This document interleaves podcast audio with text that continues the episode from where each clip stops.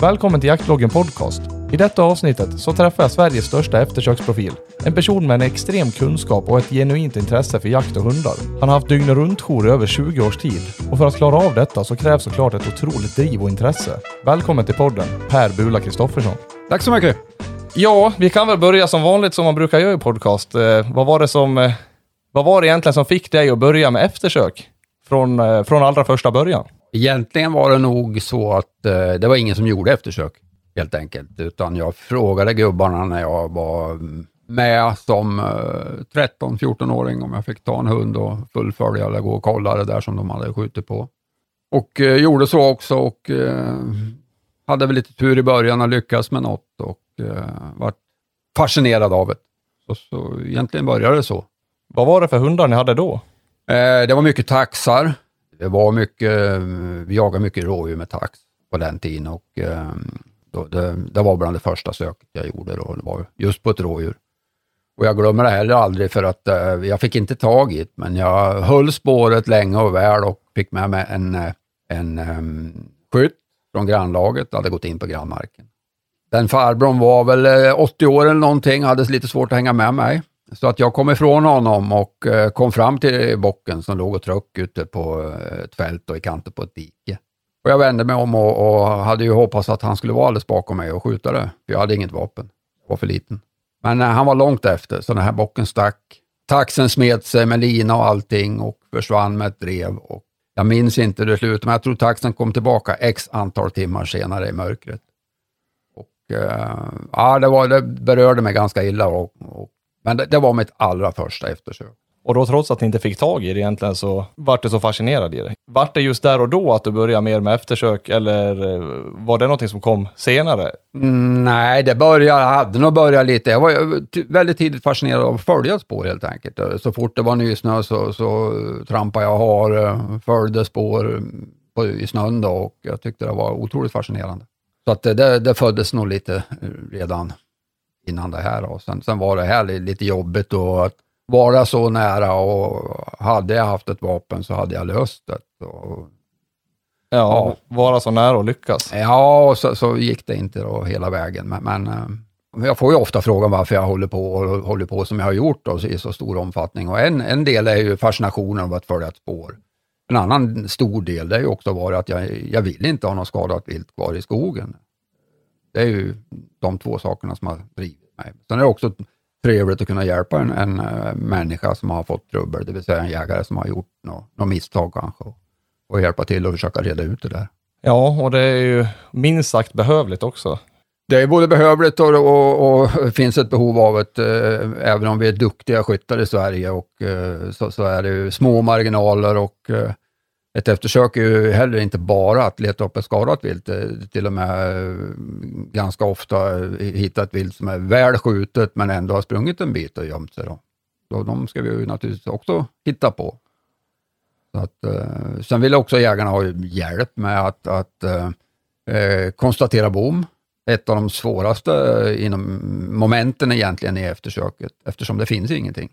Och man ska då vara övertygad själv om att nej, det här viltet är inte träffat helt enkelt. Nej, det måste ju, det måste ju någonstans vara bland det svåraste och även att ta det beslutet att eh, nu är det här bommat. Mycket med eftersöken är ju fyllt av beslut som man ska ta som, som, eh, och varje beslut man ska ta kan ju bli fel. Och, och det försöker man naturligtvis undvika. Då. Men eh, speciellt att konstatera bom, det, det, det ställer stora krav på, på oss och, och, att vi känner våra hundar. Och det är ju framförallt hundarna som hjälper oss med den här biten. Då. För jag vet, jag har lyssnat på någon annan podd med dig också och då hörde jag, då sa du följande, jag ska försöka citera, att jag kryper inte lika mycket som andra eftersöksjägare när jag kommer till en skottplats. Ja, det, det, det, är sant. Jag gör inte det, utan det första jag gör när jag kommer till en skottplats, det är att släppa ut hunden och eh, studera hundens kroppsspråk eh, väldigt, väldigt noga. Eh, beteende på hunden. För den eh, har två, minst två olika beteenden. Den har ett beteende när det finns en träff och den har ett beteende när det inte är någonting. Det gäller för mig att, att lära mig och, och, och, förstå de här små, små signalerna som det kan vara ändå. Men eh, när man börjar lära sig det, då syns det ganska tydligt. Jag tror att många tänker där att, men vad är det för signaler den visar när det är träff till exempel, kontra när det inte är träff? Det, det vanligaste som, som en hund gör, det är att den blir väldigt intresserad i, i backen. Nosar extremt eh, på fläckar. Jag Är fokuserad helt enkelt. Eh, är det bom eller inget intressant så, så är det mer fokus på mig. Den kommer tillbaka till mig, den hoppar på mig, eh, ja, springer lite hit och dit. Den har inte den här fokusen. Men kommer man då till en skottplats och hunden håller på och hoppar på en själv och då blir man ju kanske då förbannad istället. Att, men vad fan, låt bli mig, håll på med det här du ska göra istället. Nej, då ska man ta till sig det. Varför gör den det? Skulle den göra det om det var verkligen intressant där ute? Nu, nu ska vi samtidigt eh, eh, komma ihåg då att jag använder mig av en spårhund som inte eh, används till någonting, någonting annat än spårning och till skadat vilt. Så friskt vilt är förbjudet vilt. Och då blir det naturligtvis lite lättare. Kommer du med en jakthund som också har ett, ett eh, lite naturligt, mer, mer naturligt eh, eh, lust att följa vilket vilt som helst. Kanske som man har jagat i flera lördagar i rad och belönat för det här viltet. Och presenterar man eh, en skottplats för den hunden så kan det ju bli en tändning oavsett. Va? Ja, men absolut. Så där har jag ju lättare då, med, i, med att ha den möjligheten att ha en ren spårhund. Då. Ja, och då tänker jag att Alltså om man kontrar för 40 år sedan då när du gick med den här taxen i, i band då, efter rådjur, som jag antar då att ni har haft eh, den taxen till jakten tidigare också. Skillnaden på eftersök överlag då, om man säger för 40 år sedan kontra nu, vad tycker du största skillnaden är? Största skillnaden är att vi är, och den viktigaste, det är ju naturligtvis att vi, vi gör dem idag. Vi är mycket mer eh, seriösa och eh, många som är jätteduktiga och håller på. Vi har blivit eh, många, många flera. På den tiden så var det, ja, det hände att man gjorde det, men, men det slarvades väldigt mycket. Så där har vi blivit, blivit helt klart bättre. Vi kan hundar bättre. Vi kan träna hundarna på ett uh, helt annat sätt idag. Vi har nu större förståelse för vad vi vill att de ska göra och uh, tar oss dit på ett bättre sätt. Det går ju lite i vågor det här med nischerna, olika jaktformer och allting. Och jag vet i vissa perioder har det varit att många vill ju börja med eftersök, eh, och, vilket är mm. väldigt bra. Jag tänker, vad är, när du tränar en hund, jag vet som Louis som du har, eh, han är ju en extremt duktig spårhund. Om jag då som eh, person vill ha en eftersökshund och jag köper en hannoveranare till exempel. Vad, hur tycker jag att jag ska skola in den på för vis? Ja, men det, det, det, det är svårt. Eh, det är en fördel att börja tidigt, förutsatt att man vet hur man ska träna och att träna i de olika stegen på rätt sätt. Men börjar man eh, tidigt och eh, kanske gör lite småfel, då får man ganska jobbigt att försöka rätta till det där. Så att man ska verkligen eh, söka kunskap om man inte har det själv då och eh, fråga många som håller på och lite tips och idéer så att, så att, eh, för det, så att det blir så mycket rätt som möjligt. Eh, en grund, man brukar ha grundregler när man håller på med vad man än håller på med egentligen. Vad är eh, ett klart fel och ett klart rätt? Ett klart eh, fel, det är att man inte har något belöningssystem genomtänkt när man börjar sin träning, utan man egentligen eh, skapar ett spår och så kör man igång och så man tänker inte så mycket på eh, hur man ska belöna eh, och sådana saker. Och, och eh, det är grundläggande fel, för det är det viktigaste av allt. Och gäller egentligen all hundträning, att man kan belöna och på, på, på rätt ställe då helt enkelt och i rätt ögonblick och den här belöningen ska vara optimal så att hunden tar till sig den. Det är inte bara vi som ska tycka att det känns bra, utan hunden ska svara på den här belöningen. För hundar är väldigt enkla, oerhört enkla. De eh, lever ju i en bildvärld och förstår man inte vad det menas så, så är det kanske lättare om jag säger en händelsevärld. Det är händelserna som skapar hunden. Och det finns då både positiva händelser och negativa. Och självklart så vill jag ju ha så mycket positiva som möjligt. Och framförallt i min träning eller utbildning av hunden. Och då, det, det, det, tycker jag är viktigt och, och tyvärr någonting som vi, som vi inte har pratat om alls förr. Det har kommit lite mm, på senare år och, och, och, kan det här bättre idag än för de här 40 år sedan. För då var det inget snack om belöning. Det var väl belönande nog att den kom fram till någonting i slutet. Det är mycket den attityden hos mm. äldre jägare att ja men vad fan, det där ska han väl fixa och det, allting ska vara väldigt enkelt eh, för, Mm. för jägaren i sig. Det ska inte vara någon träning utan det ska vara mer det här att, ja men vad fan, fixa det där och ja men det är ju en hund, den har ju världens bästa näsa, det är väl klart att han fixar det här. Men eh, det kanske inte är så lätt för hunden att veta vad den ska använda den till. Nej, precis. Så det, det finns ju spårhundar som du behöver inte träna en enda gång. Det funkar bara, absolut. Det är ju, och då är det ju ett lyxproblem eh, och inte ens något problem. Eh, Själv har jag aldrig lyckats fått någon sån, utan det har krävt en träning. Men säg att det är en på hundra som, som är i princip bara klar. Eh, eller någonting sånt. Och de andra måste du träna och en del mer och en andra, andra lite mindre. Då. Men eh, ha för bråttom när man inte har eh, rätt kunskap, det, det är också ett, ett stort fel som jag eh, nog tycker att ganska många gör. Man, man slarvar för mycket, man har för bråttom. Eh, vi ser idag väldigt få, förvånansvärt få hundar som verkligen spårar som man vill att en hund ska spåra. Alltså bara påskjutet djur. Liksom. Ja, och, sen alltså själva spårtekniken slarvas det mycket med. Det är mycket spårning med näsan en stund i backen, sen åker näsan upp och de vindar och, och går och kryssar och, och slarvar en del. Va? Många av dem tar sig till målet, absolut. Men eh, det är inte riktigt så vi vill ha en spårhund. Den ska ju gå med näsan i princip slimmad i backen hela tiden. Och det är väldigt få som gör det idag. Ja, jag, jag, alltså, jag blir lite full i skratt när du säger det, för att jag känner igen det ganska mycket i, eh, som i Walter, min stövare. Eh, han är ju en, alltså han är, jag har alltid sagt att han är en dålig spårare. Därför att han, eh, det är många gånger om jag går ett spår med han också, att han eh, är ju fruktansvärt fokuserad en kort stund och sen börjar huvudet gå upp och han kollar på några helt andra saker.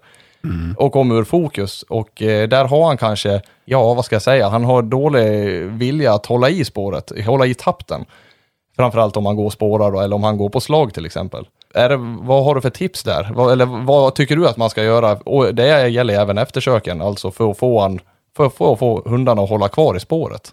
Det är, vi, vi tränar ju sällan så mycket de här lösa hundarna, så att säga, stövarna exempelvis, med just spårträning. Men, men det är ju egentligen väldigt mycket spår, eh, spår i deras jakt, det är spårning i deras jakt. Va? De ska börja med det här kalla slaget och, och gå och spåra tills de får kontakt. Va?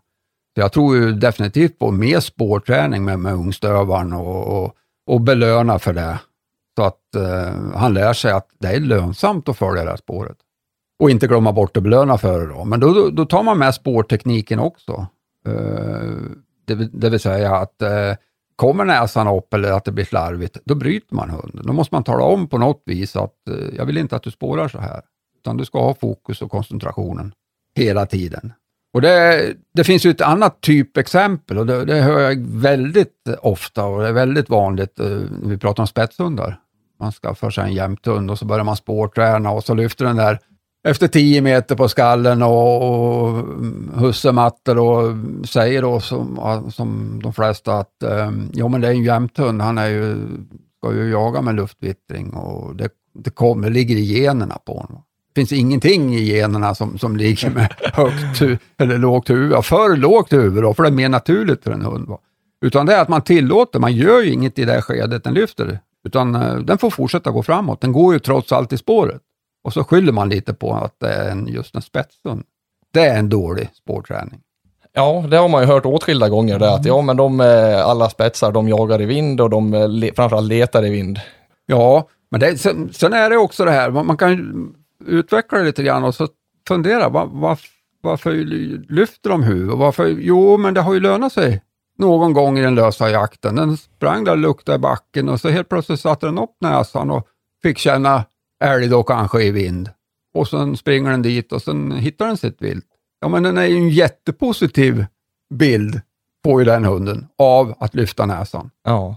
Det är det jag menar med händelser som, som påverkar dem, då, eller med här bildvärlden, om det är positivt eller negativt. Ja, jag reflekterar mycket till det när du berättar det och jag har tänkt det, kanske inte just så konkret i det, men jag tänker i ett sammanhang där eh, jag återgår ju till stövare nu igen, men vi säger att man har en hund som är slarvig på slag och den går på ett slag som eh, räven kanske ligger en kilometer bort eh, från var den är nu.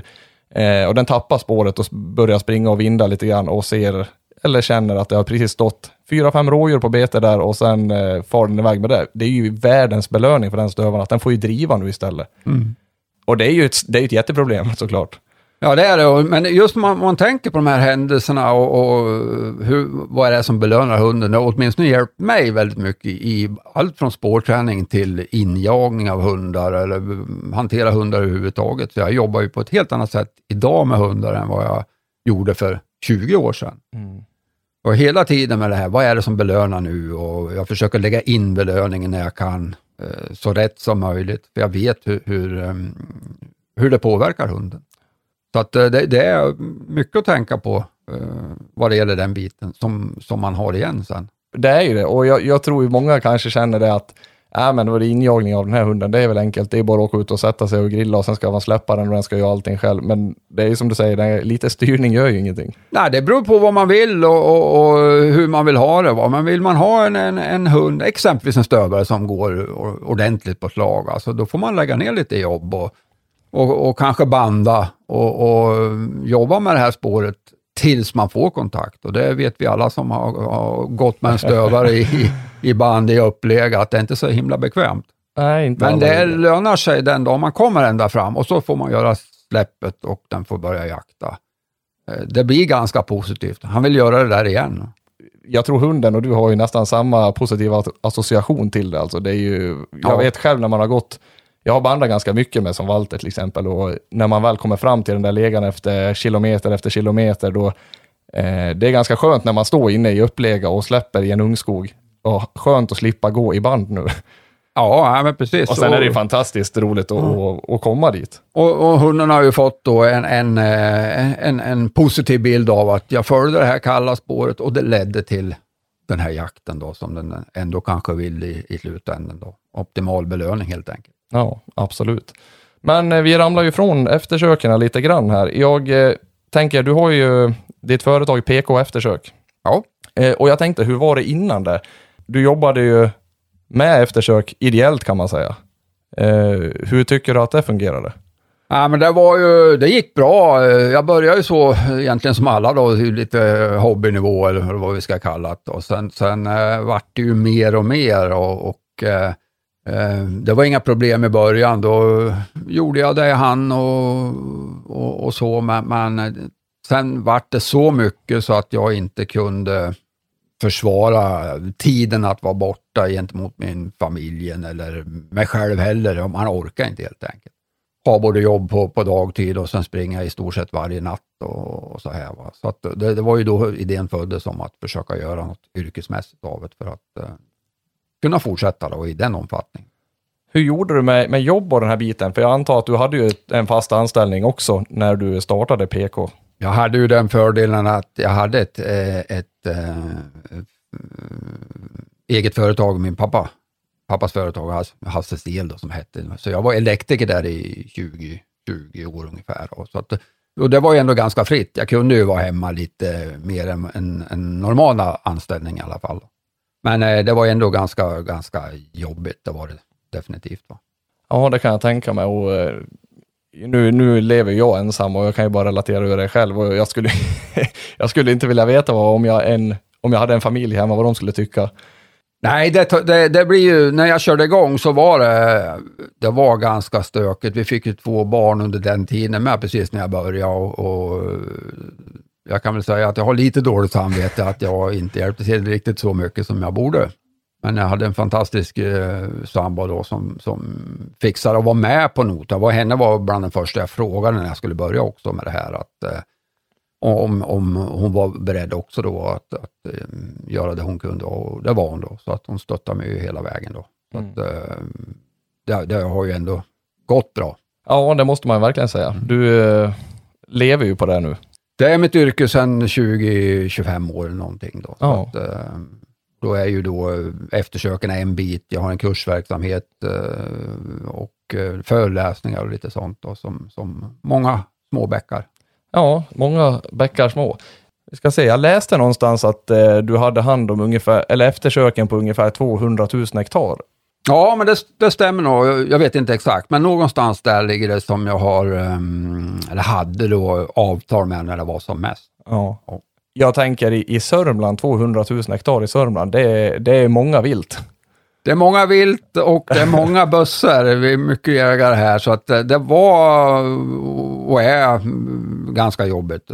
Jag hade ju en jour då. Jag hade ju lovat att komma inom två timmar som lagen säger vid ett eftersök. Då. Och um, nej, det var tufft. Samtidigt uh, fick jag ju då en unik erfarenhet och, och lärde mig mycket naturligtvis. Så att uh, det har ju varit en fantastisk resa egentligen. Och jobbigt men, men uh, häftigt att få, få lära sig så mycket. Ja, och jag kan tänka mig att ja, men det här att gå in i det så helhjärtat som du gjorde och sen faktiskt få det att gå runt, det måste ju vara en fantastisk känsla. Ja, men det är det ju. Det är ju som alltid, oavsett vad man gör, man, man bestämmer sig för någonting. Och jag är väl ganska både tjurig och envis, eh, så att eh, om jag har bestämt mig för en sak så försöker jag då göra det till 100 procent. Absolut. Ja, och det här med eftersöken och eh, vilka hundar man ska vända sig till eh, och vad man ska välja till exempel som spårhund, släpphund. Eh, vissa personer använder bara en hund som både spår och släpphund. Vad använder du för typ av spårhund kan vi väl börja med? Eh, jag har ju använt eh, schweizhund, eh, schweizhundarna, både bayersk eh, vildspårhund och hannoveransk viltspårhund. Men det är inte egentligen för att jag tycker de är bättre än några andra, utan eh, det har ju egentligen det har bara blivit så. Lite sugen att prova när de började komma då, nya raser och jag testade väl och det har, det har funkat bra. Men man ska komma ihåg att det här med spårning, det, det är egentligen eh, ganska ointressant vad det är för typ av ras. Alla hundar har den här fantastiska näsan. Sen kan de ha lite mer eller mindre mm, vilja och sådana saker, men utan att bli för djup på det då, så i princip kan du träna upp vilken hund som helst till spårhund. Det är ganska naturligt för en hund att, att följa ett spår. Jakthundsras som sällskapshundsraser spelar ingen roll. Och om du gör det på rätt sätt och nyttjar ett belöningssystem så, så har det ingen betydelse. Jag vet att eh, jag och Niklas, eh, en kompis, var ju ner till dig och jagade vildsvin förra året och eh, jag hade ju önskat att det var något, någon som hade skjutit på något vildsvin där och eh, vi hade kommit dit eh, och skulle gå det där eftersöket och att det då hade varit en person som stod där och sa, nej men jag har provat redan med min mops här. Eh, jag skulle någonstans vilja se din, din min där.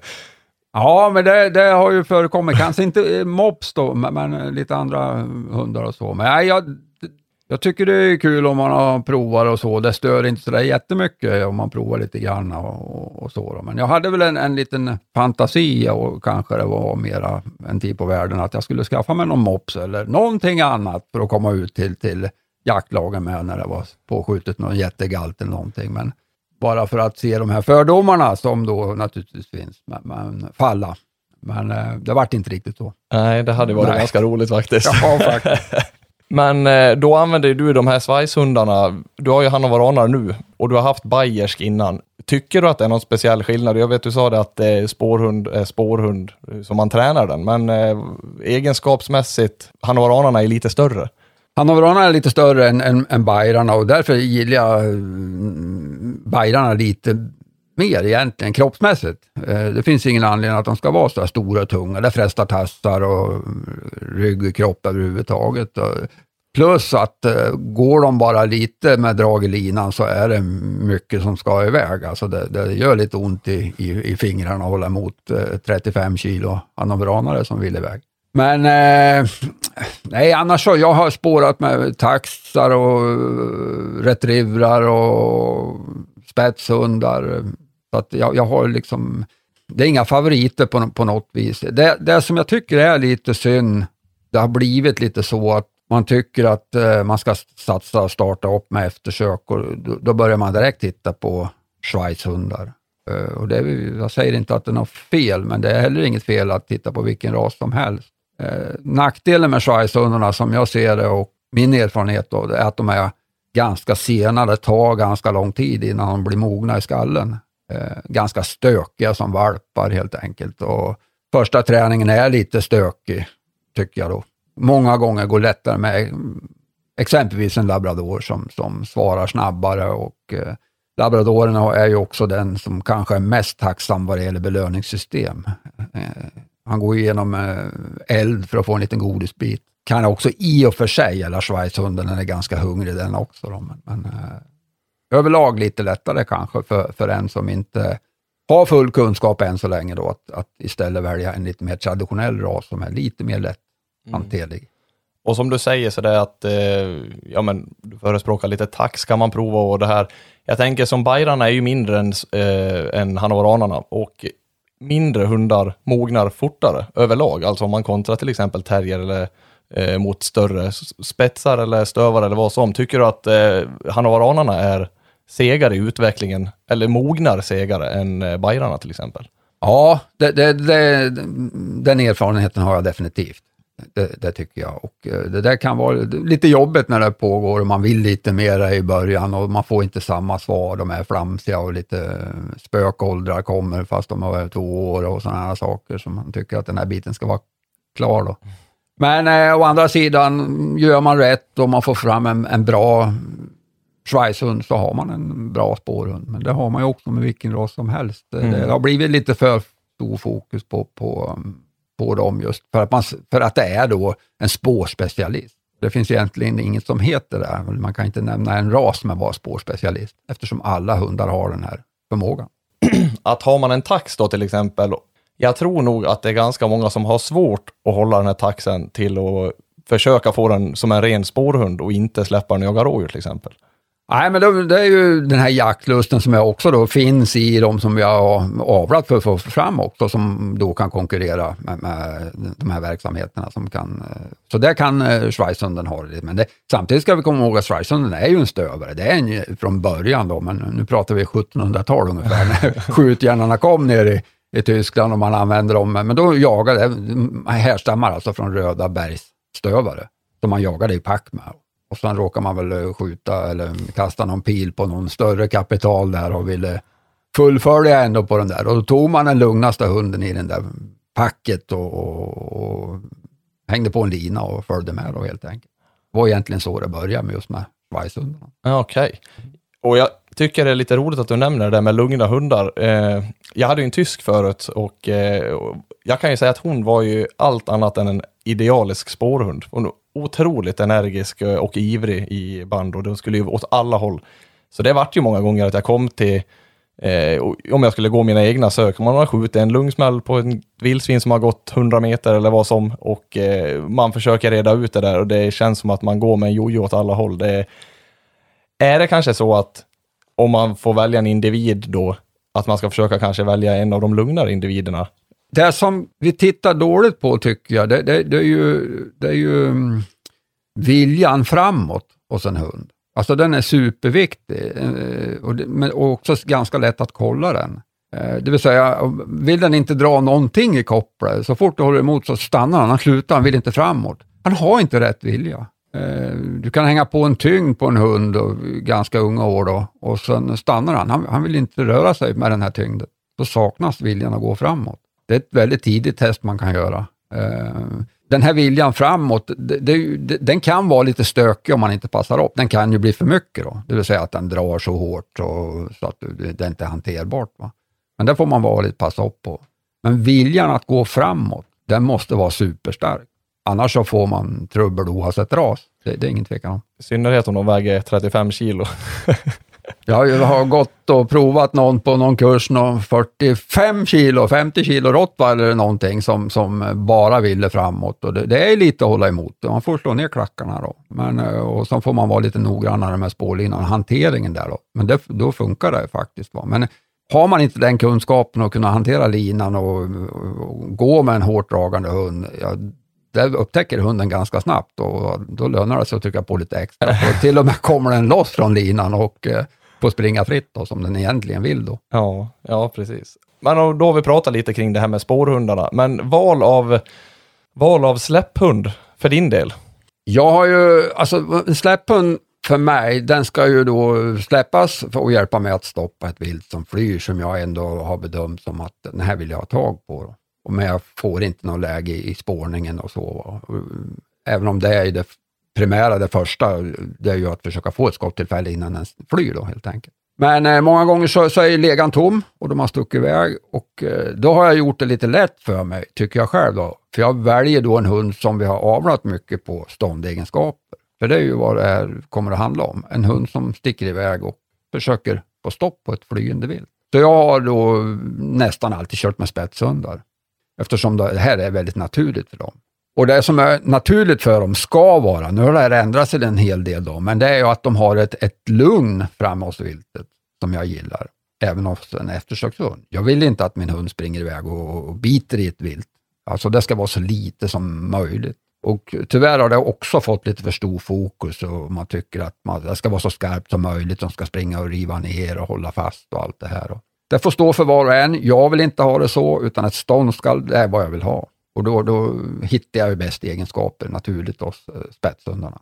Jämtar, gråhundar, like, eh, ja, spetsarna som finns helt enkelt. Det som jag vill ha i egenskaper som, som eh, många kanske inte tänker på, men, men som är jätteviktigt och vad egentligen som ställer viltet, det är farten. För om ett vilt känner att det här är inte lönsamt, jag finns det inte en chans för mig att komma undan, då kommer den att stanna betydligt snabbare.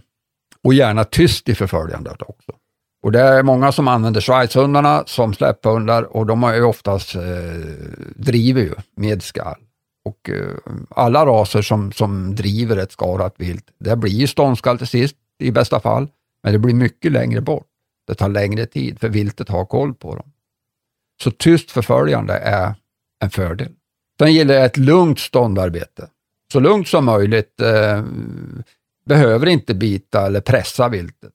För eh, den ställer med farten, Gärna då om vi ska prata skärpa, lite skärpa i ställande momentet, alltså våga vara närmare det här viltet, kanske puffar till det lite grann, stänger upp sida, kanske förbi. Ha det modet att, att klara det. Eh, för modet är nästa egenskap som också är viktigt, viktigare än någonting annat. Det kommer ju att visa sig när den blir attackerad, för det blir alla eftersökshundar av ett skadat vilt vid något eh, tillfälle, oftast tidigt. Det är ju två individer som möts och de känner som regel på varandra. Och om den här galten eh, vänder sig om och gör en rusning mot den här förföljande, så, så om den inte har rätt mod, så kommer den att, att eh, backa. Backa och fly är bra, men bara en kort bit. För det är självbevarelsedriften som kommer in, alltså viljan att inte bli skadad. Du får gärna fly, men bara så mycket som behövs. Sen går den direkt tillbaka och möter upp och talar om att ja, ja, du vann rond ett, men nu är jag här och nu kör vi. Den hunden som inte har det här modet som jag pratar om, den kommer i det här eh, attacken då, eller anfallet, vad vi ska kalla det, eller eh, testet, att gå tillbaka till föraren. Och då blir det jobbigt. Då blir det ju inte ett dugg bättre nästa gång. Plus att viltet har övertaget. Det finns de hundar som har och jag har själv smugit in på, på ståndskallet med, med, vid ett antal tillfällen med andras hundar så, som har stått och ståndat, som inte har det här modet. Och det känner det här viltet väldigt, väldigt snabbt av. De slutar fokusera helt på hunden. Så den nästa som kommer in, det är det som utgör hotet. Och den nästa som kommer in är ju då jag. Och då ska man inte bli förvånad om, man, om det blir incidenter. Utan det här fokuset ska ju hunden hålla till det här viltet. Speciellt om vi pratar om så kallat vårt farliga vilt, då, vildsvin exempelvis, va? björnen. Då, då ska fokus från viltet vara till den här hunden eller hundarna. Det är, ju, det är lite intressant som du, som du förklarar, men då, vi säger att du har en att du har en hund med dåligt mod. Eh, det finns ju de hundarna som har skärpa men inte mod. Eh, vi säger att du har en, då, du har en spets som springer ikapp ett vildsvin, som ett flyende vildsvin, eh, nafsar tag dig i låret till exempel och galten, om det nu är en galt då, vänder upp och, och trycker emot och då hunden vänder tillbaka mot dig. Tycker du själv att du kan läsa det redan i det stadiet eh, när hunden kommer fram till dig att eh, ja, men nu när vi går in på det här så kommer förmodligen den här galten eller det här vildsvinet kunna göra mer mer utfall i ansmygningen. Ja, det, det man ser och oftast så ser man det här eh, under tidig uppväxt på hunden i bästa fall. Något som är jättebra för att test. det finns ju många seriösa mentalbeskrivare som kan utläsa modet på, på, på, genom konstlad väg, alltså de här banorna som finns. Och, eh, jag har själv provat det vid något eh, tillfälle och tror man inte på det så, så ska man nog tänka om. Eh, åtminstone de här som, som är duktiga, seriösa. De ser om en hund har modet, de ser vad en hund kommer att göra vid ett möte, vid eh, ett, ett, ett, eh, och där har ett, ett potentiellt farligt vilt, då, eller Eh, ett vilt som ger lite mothugg. Och där är vi jägare lite dåliga att göra med våra hundar egentligen. de här testerna och se lite grann. Va? För det kan också hjälpa med injagning. Alltså, har jag en hund som är lite svag i modet, jaha, då vet jag ju om det och då kan jag hantera vissa saker eh, på ett annat sätt och kanske bygga upp ett med självförtroende och erfarenhet istället, på, på lite lugnare och så vidare. Men modet är viktigt. Och vad, vad är mod? Alltså det, det, är ungefär som dådkraft. Men mod, för mig, när vi pratar om mod, man måste ju definiera det på något sätt. Och Det är ju att en hund hamnar i något tillfälle i mentalt underläge, men självständigt blixtsnabbt övervinner det och går tillbaka. Det är mod. Då har man blivit liksom nummer två, men reser sig självständigt och går tillbaka. Det är mod för mig. Jag tror det kan vara många som, eh, som reflektera det här, alltså skärpa, mod. Eh, det är en hund som kommer och bröstar upp sig inne i en hundgård till exempel och ska spöa alla andra eller, eller att den eh, ja, att den har det beteendet. Och det för mig är ju nästan mer osäkerhet. Oftast är det osäkerhet och den har, vet inte sin plats, den ska hävda sig och så vidare. Det är mer ett beteende eller något som um, vi har gjort fel då i vår uppfostran helt enkelt och, och sådana saker. Det har inget med mod att göra. Nej. Det här som du berättar också, att, eh, som att de ska bli, och vi säger att de blir anfallna på ett ståndskall, ett gångstånd och de ska direkt tillbaka.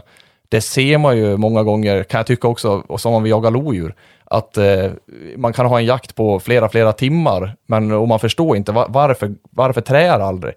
Och det ser man ju många gånger. Det kan ju låta som att eh, drevet kommer i 30 knyck, men eh, katten kommer gående och 100 meter bakom kommer två hundar gående och vrålar. Men de vill liksom inte ikapp, för de har varit i en konfrontation med katten och törs inte gå dit igen. Ja, nej, det, det, för att göra det där sista så krävs det väldigt mycket då. Det kan också kosta eh, kosta på. Och tål man inte det där nederlaget, eh, då, då, då nöjer man sig med att vara lite bakom och göra jakten, men kanske inte fullt ut. Då. Så att, men i ett eftersök så är det ju, då, då måste jag ha det här. Då, då, jag måste klara det här enskilda eftersöket. Va? Så I jakten kan jag ju välja ändå, okej, okay, det gick inte hela världen, men det, det, det är inte hela världen. Men, men, eh, i eftersöket så har jag en uppgift och jag måste eh, fixa det. Så där kan jag då inte använda en hund med en släpphund då med eh, för lågt mod. Det, det, går inte. Nej, för precis, det var lite det jag fiskade efter också, att det är ju extrem skillnad på eftersök och, och jakt. För att den där jakten, eh, även om den pågår i fem timmar eller om den pågår i 30 minuter, så har du ändå jakten kvar. Och sen att de kan bli bortfintade, det är ju en annan sak. Men Nej, men det, det, är, det är ju en, en, eh, tydlig skillnad då. I eftersöket, då, då är en enskild individ, den ska jag ha tag i. Det har jag ju bestämt mig i och med att jag gör släppet. Nu, nu vill jag verkligen ha, ha stopp på den, på, på den här och eh, avsluta. I jakten så kan vi nöja oss och vi kan avsluta när, när vi vill i princip då. Och ändå vara ganska nöjda. Om vi ska ta en till punkt där eh, kring eftersöken eh, som jag tycker, eh, eller som jag tycker mig upplevt eh, ganska många gånger, det är att man kanske ringer en person till ett eftersök där man har skjutit på ett ja, vildsvin till exempel, ett rådjur oavsett vad. Eh, det kommer dit då en person, eh, ringar lite grann, kollar på eh, skottplatsen som man förhoppningsvis har märkt ut och sen eh, börjar spåra lite grann. Det är barmark säger vi.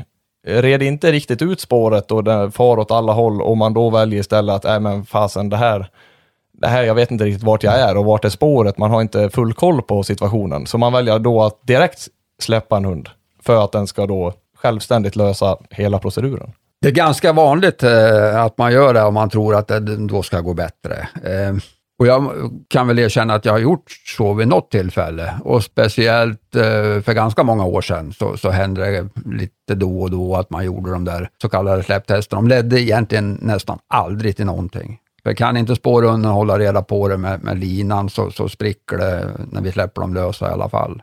Plus att nackdelen då att jag har mindre koll vad som hände, vad bröt hunden och vad gjorde han? Jag vet ingenting. Går det inte att spåra eller hunden vill inte, visst man kan göra något försök, men det, det, jag skulle hellre se att man då breakar, inser att vi har inte kontroll på det här, vi ringer in kompisen som, som har kanske en för dagen bättre spårhund och provar. Då ringer man PK eftersök helt enkelt. Ja, man kan prova i alla fall. Ja. Nej, men det, det, tycker jag låter väldigt klokt. Men och det, jag tror det kan vara svårt för många också att finna, eh, ha den självinsikten att jag eh, och min hund ihop, eh, vi mäktar inte med det här. Vi, eh, vi klarar inte av det här, utan då väljer man istället att släppa. Och det mm. om något kan väl kanske vara något som försämrar och försvårar för nästkommande ekipage. Ja, men det, det är ju definitivt. Man, det, man, ska tänka på ett eftersök att det, det, är ju första chansen till kontakt. Den är värdefull och det är oftast störst chans att få tag i om man, man eh, är rädd om, om, om första kontakten. Då. Eh, om man själv eller andra har tagit bort den möjligheten, men stöter upp viltet och eh, inte har resurser att stoppa kanske eller bara klampat på och så vidare. Nu vet ju det här viltet att det är förföljt, vilket gör att den kommer att sätta igång och krångla ännu mer för att skaka av sig en förföljare med återgångar, eh, vatten allt vad den kan hitta på. Så det här från början ganska lätta eftersöket blir nu kanske till och med så svårt att det inte går att reda ut. Och då, är, då ångrar man sig, garanterat. Men det här var också mycket vanligare förr. Det har blivit bättre. Just den här våga släppa prestigen, våga be om hjälp. Det var nästan eh, otänkbart för, för ja, 20 år sedan. Det, det ville man absolut inte göra. Idag är de flesta, nej det här gick inte eller jag klarar det inte. Kan du komma och hjälpa mig? Det är inget stort bekymmer längre den här tiden som vi har nu och, och framåt, alltså det är barnkammare, eh, att släppa hundar nu, det, det, det, måste vi göra under st större ansvar än, än under jakttid. Med de här också eh, som vi pratade om, eh, eh, chanssläppen eller vad vi ska kalla dem. Det gör vi naturligtvis inte alls den här årstiden, utan nu måste man verkligen ha kontroll på vad man släpper. Jag vill ju ha det oavsett årstid. Alltså spårningen ska leda fram till en bra kontakt eh, och ju närmare vi har till viltet när vi släpper vår släpphund, ju större eh, chans att den gör rätt helt enkelt. Ju längre ifrån vi släpper, ju mer kan gå fel. Och den här årstiden som sagt, då, då är det inget bra hundar att springa och driva på bygden. Jag förstår precis vad du menar. Det, och, och dessutom om det då skulle bli att hunden får en konfrontation och eh, det blir så att den backar av det och kanske inte heller kommer tillbaka till föraren så har man ju kanske andra stora problem, att det är dräktiga djur och annat som blir jagade. Ja, precis. Det är barnkammare just nu i, i skogarna så att, och det måste vi respektera och eh, de flesta gör det, eh, absolut. Och det, det är hedervärt. Vi, det, det, kan till och med vara så att vi får tappa ett eftersök Eh, helt enkelt för att, att det ser ut som det gör i, i skogarna nu. Det gäller att, även i eftersöket måste vi hålla hög etik på, på både det eftersök vi, viltet vi söker, men även det som är runt omkring oss. Det är superviktigt. Jag tror nästan att vi ska göra så här, att vi ska flytta in, för vi sitter i Bulas uterum nu. Även om det är fantastiskt fint här så tror jag nästan att vi ska flytta in de här grejerna så vi sitter inomhus och slipper ni lyssnare höra regnet som kommer ner, för jag hör det väldigt tydligt i lurarna. Det är ju bra för potatisen. Vet du. Ja, precis, det är ju det. och gräsmattan, nu får du klippa här snart igen. Ja, oh, det har börjat redan, så att nu, nu är det har du hunnit med någon klippning i år? Ja, jag har ju klippt en gång faktiskt. Ja, det har du. Jag mm. gjorde första igår och jag känner mm. att eh, det kommer inte dröja många dagar förrän man får klippa igen. Nej, det kommer nu. Eh, men jag tror vi flyttar in det här så återkommer vi alldeles strax. Ja, men sådär då, då har vi kommit in i alla fall. Jajamän, skönt. Och slipper ni regnet ni som lyssnar, det är ju bra. Eh, och vad var det jag tänkte? Jag tappade tråden lite grann nu när vi eh, flyttade om och allting här. Men eh, en sak som jag tänkte på, det är, du har ju hållit på med eftersök väldigt länge. Känn, du känner inte att du har tröttnat på eftersöken? Nej, det kan jag väl inte säga så. Det, det, det är väl mer den här jourverksamheten som, som jag känner är um, jobbig, möjligen. Men, men när jag väl kommer ut på ett sök så tänder jag till och man är ungefär lika tokig som när man började, eller på att säga. Samma drivkraft. Man vill göra det här så bra som möjligt. Absolut. Jag är ju lite sådär som person att man kör all in på en sak under en viss tid och sen, är, ja, sen hoppar man på nästa och på nästa. Förvisso inte, förvisso inte med rävjakten, men jag tänker i ditt fall, nu är det ändå, det handlar ändå om 40 år. Eh, och vi säger efter 20 år, du kände aldrig där att eh, fan, nu vill jag sysselsätta mig med något annat? Nej, det händer väl som i alla jobb eller där man gör väldigt mycket, att det finns någon period som man eh, tycker och kanske tänker om tankarna, men eh, egentligen inte, utan det har rullat på och jag har varit så väldigt fokuserad vid det och kört på. Så att eh, det är väl egentligen sista åren, eh, eller året, som jag har, har tänkt att uh, ungtupparna ska få ta över och göra lite mer. Så jag har sista året delegerat mer än vad jag gjort förra om åren och uh, har väl också tänkt och planen är att, att uh, åtminstone eh, skippa avtalen av den här jouren då, att jag mm, kommer att ha en möjlighet att kunna säga nej. Jag kommer väl att försöka jaga lite mer. För eh, när det var som mest eh, så, så var egna jakten väldigt eh, återhållsam. Naturligtvis. Det var ju 100 procent eftersök vissa perioder då och då, hinner man inte med att jaga så mycket helt enkelt. Så nu ska jag jaga i det har jag tänkt. Ja, men det är helt rätt. Eh, hur många eftersök är det ungefär som du har haft som mest per år?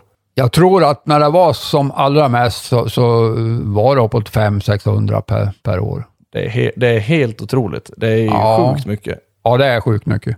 Det är, det är egentligen för mycket, för eh, man ska inte varken hinna eller orka med så mycket. Men, men det var någon period när det var så pass mycket.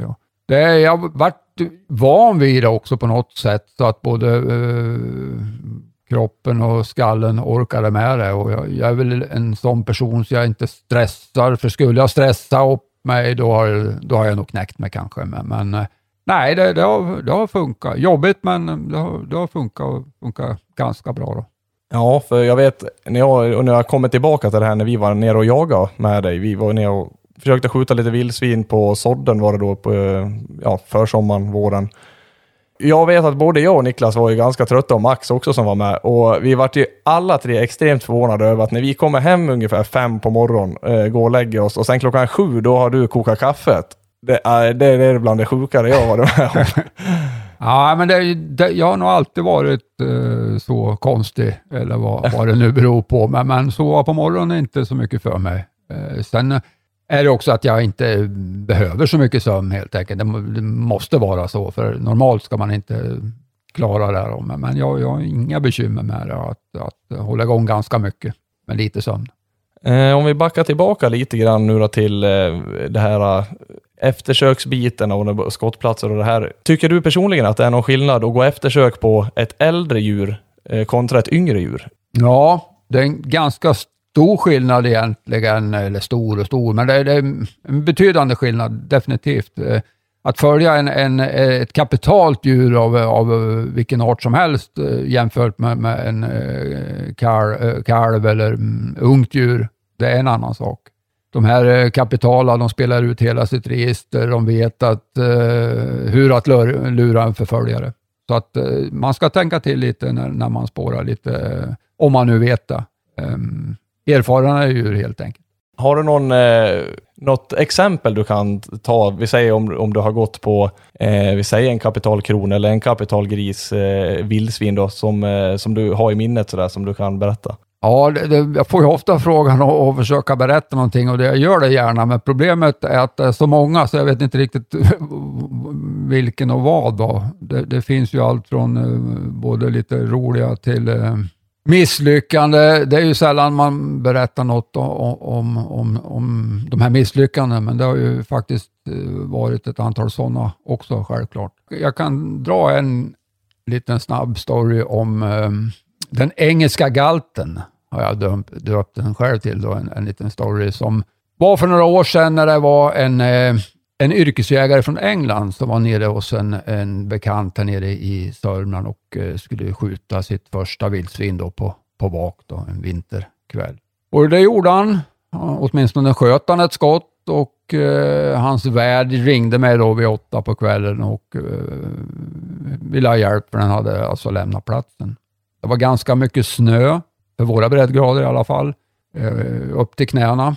Så ganska besvärliga förhållanden. Och eh, den här engelska yrkesjägaren, han hade ju, fick jag reda på sen då, han hade ju en, direkt en bild, man får ju sådana här bilder, vem ska komma nu då? Han hade ringt efter någon mm, expert eh, och han målade upp en bild av någon macho person som skulle komma ut och hjälpa honom med det där, mm, det här stora vildsvinet. Då som för övrigt inte var så stort vid, vid första... Äh, det var en vuxen, men inte mer. Då. Men eh, jag får dit i alla fall. Jag fick med mig kompisen, eh, Andreas, då, som hängde med och vi tog oss till platsen. Och redan när jag kliver ur bilen så ser jag att han eh, står och småflinar lite grann. Den här engelsmannen. Då. Jag tänkte inte så mycket mer på det, då, men eh, han berättade så sen efteråt att eh, Hans bild av eh, den här professionella eftersöksjägaren var något helt annat än den som klev ur bilen, som hade stulit sin dotters chockrosa toppluva och så, gjort ett hål för pannlampan i den och allt föll då, berättade han sen. Då. Så det var lite kul vid sidan om då. Men i alla fall, eh, ut på skottplatsen och han visade den exakt och det var inte så svårt för det fanns ett spår där det var ett vildsvin framme. Och, eh, direkt jag började spåra så, så vände jag mig om och sa att den här är ju stor, så jag, riktigt stor. Nej, sa han. Han visade då med handen i, möjligen i knähöjd.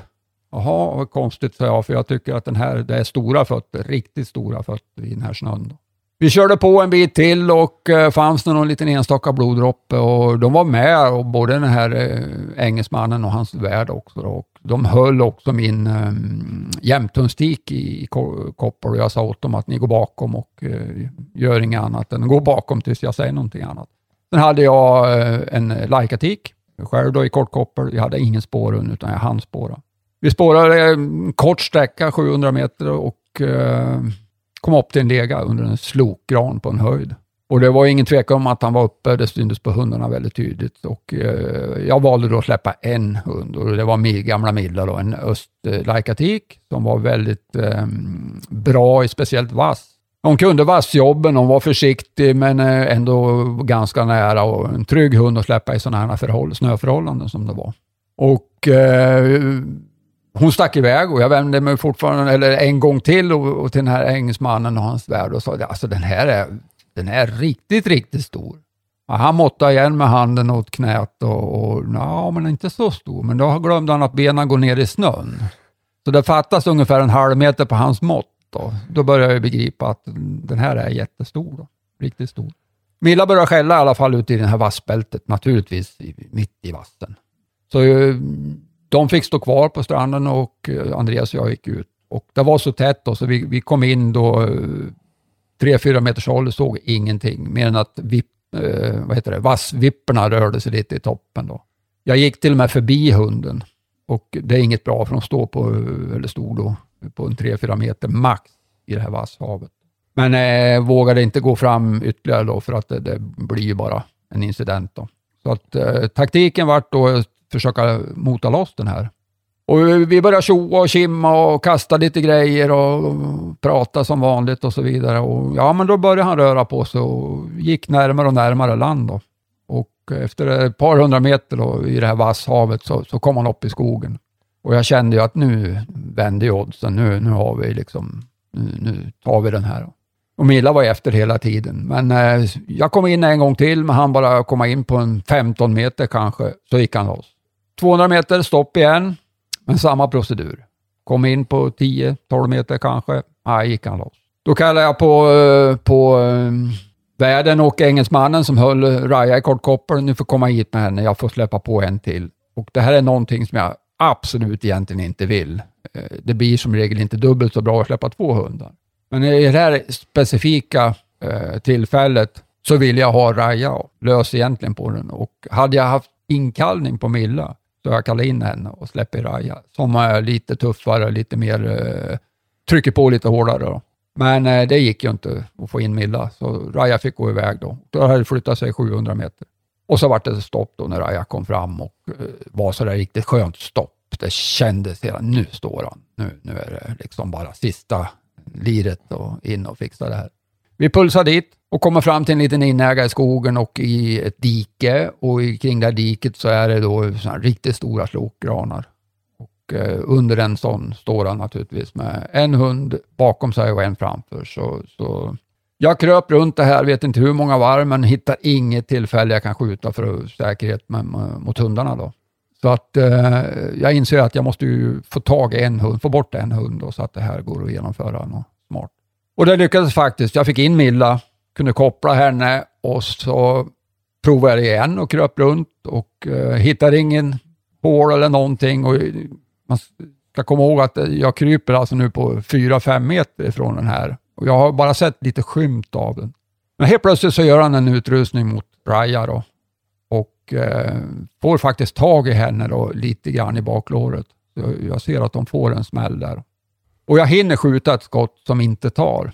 Han backar direkt in under slokran och så är det låst läge igen då. Kryper väl några ytterligare varv där, men eh, nej, det går inte. Så jag kryper ut igen och fram till, till Andreas och så lägger vi upp lite taktik. Jag kommer att krypa in ända in till då.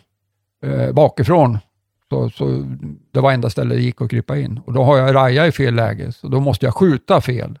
Jag, gick, jag kröp faktiskt in och kollade här igen då, så jag låg där på tre meter och det är första gången jag ser den tydligt och den är stor. Eh, jag bedömde den där då som, som uh, uppåt 200 kilo, alltså en riktigt, riktigt stor galt. Ja, kryper ut igen, nytt taktiksnack och ny plan och då säger jag den till, till Andreas att eh, jag kommer att krypa in, jag kommer att skjuta den i ljumsken och framåt. Och sen sticker jag. Så då kommer det som kommer att ske är att jag kommer först, du håller Milla här och efter mig kommer galten och det passar Raja och om den inte kulan tar och som riktigt som vi vill. Och så klipper du till galten. Ja, det, det var ju en smart plan tyckte jag just då i alla fall, men inte när jag började krypa sen igen. Det var nästan så jag började ångra mig, men nej, det fick bli så. Jag kryper in i alla fall och eh, skjuter. Jag hade en slugsbössa på den tiden och skjuter in i ljumsken och den står snett då, så det går ju framåt. Och eh, sen sticker jag. Jag ser en bete glimma till i, i pannlampan och, och sen sticker jag. För jag kunde inte skjuta skott nummer två, för Raja var ju på direkt då. Och, eh, men glömmer bort vägen ut, så att jag kastar mig in i en gran Eh, som tar klockrent i pannan så blon sprutar och jag verkligen såg stjärnor. Jag hade inte trott att det där var bara något man sa, men jag såg stjärnor. Stapplade väl ut i alla fall och väntade väl på någonting i älgscenerna, men det kom ingenting. Den här kulan hade gjort jobbet då, så att det var klart med det. Pustade ut lite grann och så skulle krypa in och försöka dra ut den där så vi, han vart överskådlig då, och orkade inte rubba den ens då. Och, eh, Engelsmannen kom ner, de var, stod en bit ifrån och eh, det var ganska skönt med lite eftersnack och pusta ut. Det var ett, eh, ja, det var ett, var ett eh, vad ska vi kalla det, ett häftigt sök som, som eh, var skönt att få avsluta. Då. Det var för mycket snö för sådana här äventyr. Då. Det var hög risk för hundarna. Då. Smällen Raja fick behövde inte göra någonting åt den. Det var ett litet hål i baklåret, så det var inget att göra någonting åt. Då, så att det hade gått bra. Då. Jag är lite, jag är lite intresserad av vad, vad tyckte engelsmannen om storleken på vildsvinet? Ja, men det, det, han eh, hade ju missbedömt det här, både och, återigen. Nu är jag van vid det där, så, och det är ju något man ska tänka på oavsett vad skytten säger. Så, för det har varit många tillfällen där det har varit en liten kulting och så har vi kommit fram till ja, en väldigt stor kulting och så vidare. Va? Så att man, man ska vara förberedd på det, att det, det behöver inte alls stämma det skytten säger naturligtvis. Va? Men eh, han hade missförstått det. Men han var en väldigt trevlig engelsman och han var oerhört tacksam. Så efter en eh, par veckor så fick jag ett vykort från honom. Han eh, tackade så mycket för söket och han berättade att han skulle det här äventyret skulle han berätta för sina barn och barnbarn i hela sitt liv och han har blivit väldigt eh, berörd av det. Va? Så det, det var jätteroligt. Ja, kul.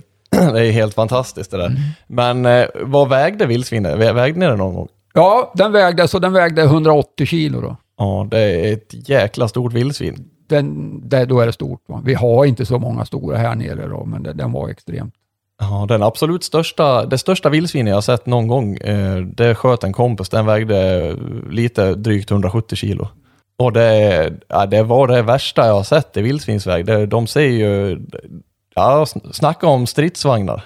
Ja, men det är mycket kraft och, och det syntes också på hundarna att det, det var, de får en respekt för, för, för det. Va? Samtidigt så är ju den storleken är inte de farligaste för hundarna, då, utan det är ju egentligen de här kring 100 kilos. Mycket eh, att bita med, alltså slå med betar och eh, fortfarande lite rörliga. De här är ganska trygga i, i sin ålder och, och vetskap att de ja, bestämmer helt enkelt. Så det händer inte så där jättemycket. Det är inte så mycket utfall på de här riktigt stora lunsarna som de här tonårsslynglarna som jag kallar dem, som väger kring 100, 110, 120 kilo. Ja. De är betydligt farligare. Ja, jag har en kompis, han sköt ju en, eh, det var en galt på, jag tror den vägde mellan 70 och 80 kilo och den hade medaljgaltar, eller medaljbetar. Ja. Det, det, måste ju vara en otroligt farlig galt för, för hundarna. Ja, det är det definitivt och det, det gäller att de gör rätt och eh, men ändå vågar stå upp och, och, och, som vi har pratat om med, med mord och allting då. Men, men en självbevarelsedrift är ju guld värt på en hund. Alltså viljan att inte bli skadad. Gå in i clinch, va? för det finns ingen anledning. Det blir bara trubbel. Mitt samtal med Bula varade ganska länge och jag vill såklart att ni ska få ta del av så mycket som möjligt. Därför har jag delat upp denna intervju i två avsnitt. Så missa inte nästa avsnitt från Jaktbloggen. där vi fortsätter att ta del av Bulas fantastiska erfarenhet. Och sist men inte minst så vill jag tacka alla som lyssnar på Jaktbloggen Podcast och alla ni som tittar på filmerna som läggs ut på Youtube. Tack för mig så ses vi snart igen.